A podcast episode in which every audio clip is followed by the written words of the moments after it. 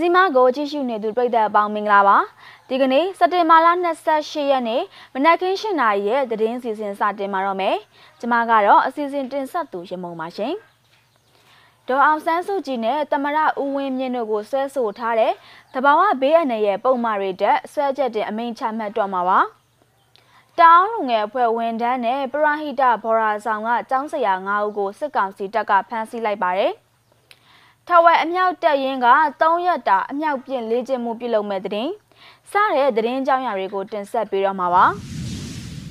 ပထမဆုံးသတင်းတစ်ပုဒ်အနေနဲ့နိုင်ငံတော်ရဲ့အတိုင်ပင်ခံပုဂ္ဂိုလ်ဒေါ်အောင်ဆန်းစုကြည်နဲ့တမရာကြီးဦးဝင်းမြင့်တို့ကိုတီးခြားဆွဲဆိုထားတဲ့တဘာဝဘေးရနေရဲ့ပုံမှစီမံခန့်ခွဲမှုဥပဒေပုံမှ25အမှုအတွက်လာမယ့်ရုံးချိန်မှာဆွဲချက်တင်အမိန့်ချမှတ်သွားမယ်လို့သူတို့ရဲ့ရှေ့နေဦးခင်မောင်စောကပြောပါတယ်။ မနေ့ကစက်တင်ဘာ28ရက်နေ့ကရုံးချိန်မှာတော့နိုင်ငံတော်တိုင်ပင်ခံပုဂ္ဂိုလ်နဲ့သမရာကြီးတို့ကိုနေပြည်တော်အထူးတည်တံ့တရားရုံးမှာအမှုတွေနဲ့ပတ်သက်ပြီးတော့လူတွေ့ရုံးထုတ်စစ်ဆေးခဲ့တယ်လို့သိရပါဗျ။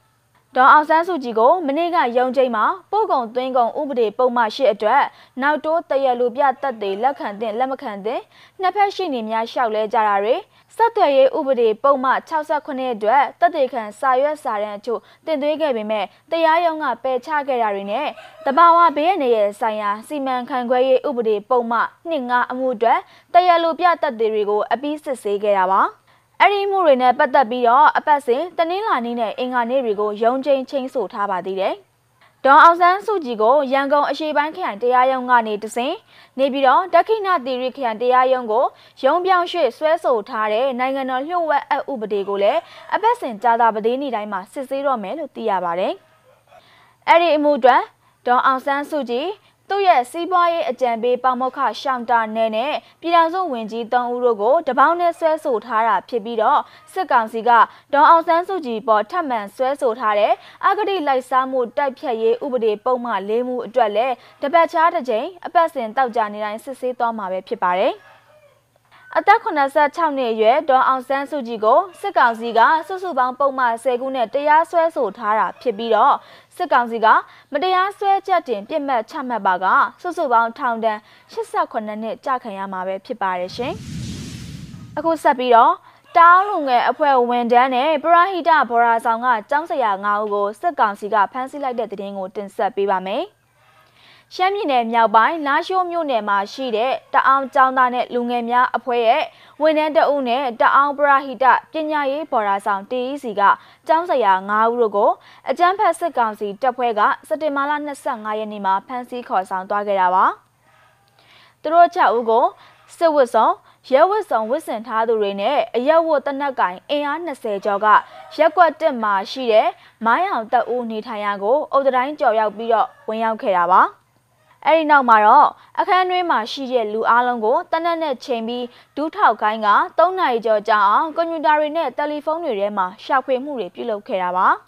မိုင်းအောင်တအူးနဲ့နီးစပ်သူတအူးကတော့အောင်တအူးဆိုတာဘသူလဲလို့မေးတော့သူကထူးလိုက်တယ်အဲ့ဒါနဲ့အိမ်ထဲကိုခေါ်ဝင်သွားပြီးလက်ထိတ်ခတ်လိုက်တာလို့ပြောပါတယ်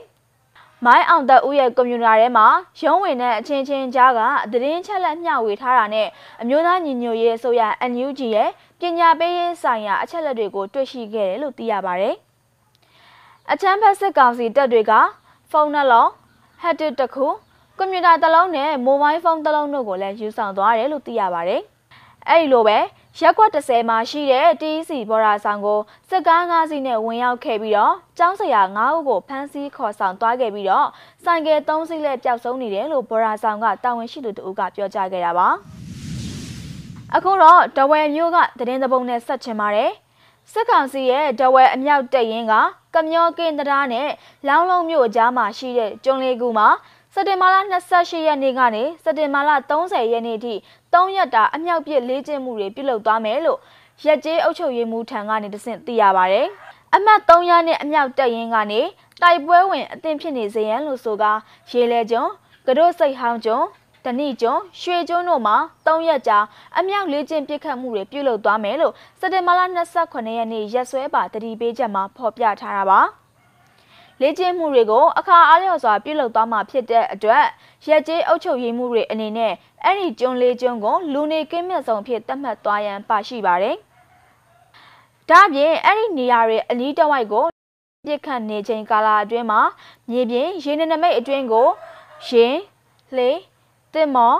လူနဲ့တရိတ်ဆန်တွေဝင်ရောက်မှုမရှိစေရေးတတိပေးချက်ကိုရက်ကွက်အုပ်ချုပ်ရေးမှုတွေကကြဲကြဲပြန့်ပြန့်နှိုးဆော်ထားဖို့တတိပေးညွှန်ကြားထားတာပါ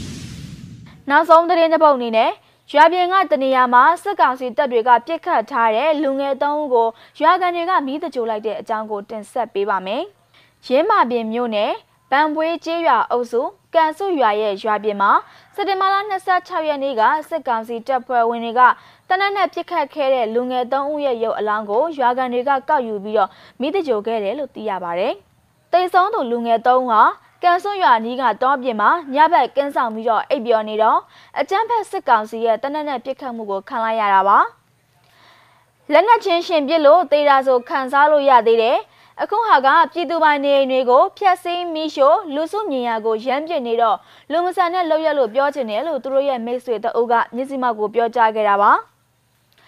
တိတ်ဆုံးသူတွေတဲကဦးကျော်ဟာ ဗန်ပွေးရွာသားဖြစ်ပေမဲ့ဗန်ပွေးရွာအနီးလင်းချင်းတောင်ပေါ်မှာစစ်ကောင်စီတပ်ကတပ်ဆွဲနေတဲ့အတွက်သူ့ရဲ့ရုပ်အလောင်းကိုဗန်ပွေးရွာကိုပြန်မသိနိုင်မဲနဲ့ကန်စုရွာကတုတ်တန်းမှာပဲစုပေါင်းတကြိုလိုက်တယ်လို့သိရပါတယ်။လင်းချင်းတောင်ရဲ့အရှိတ်ဘက်မှာရှိတဲ့ဗန်ပွေးထန်းစီရွာတောင်ဘက်မှာရှိတဲ့ဗန်ပွေးလက်ပံရွာအနောက်ဘက်မှာရှိတဲ့ကန်စုရွာကဒေသခံတွေဟာအခုလိုလုံရက်တွေကြောင့်စိုးရင်ကြောက်လန့်လျက်ရှိတယ်လို့ရွာခံတအုပ်ကနေပြောကြားခဲ့ရပါရှင်။ စက်တင်ဘာလ28ရက်နေ့မနက်ခင်း7:00နာရီထိနောက်ဆုံးရရှိခဲ့တဲ့သတင်းတွေကိုတင်ဆက်ပေးခဲ့တာပါကြည့်ရှုနားဆင်ပေးခဲ့တဲ့အတွက်ကျေးဇူးတင်ပါတယ်အားလုံးပဲတာယာလှပတဲ့မနက်ခင်းလေးဖြစ်ကြပါစေရှင်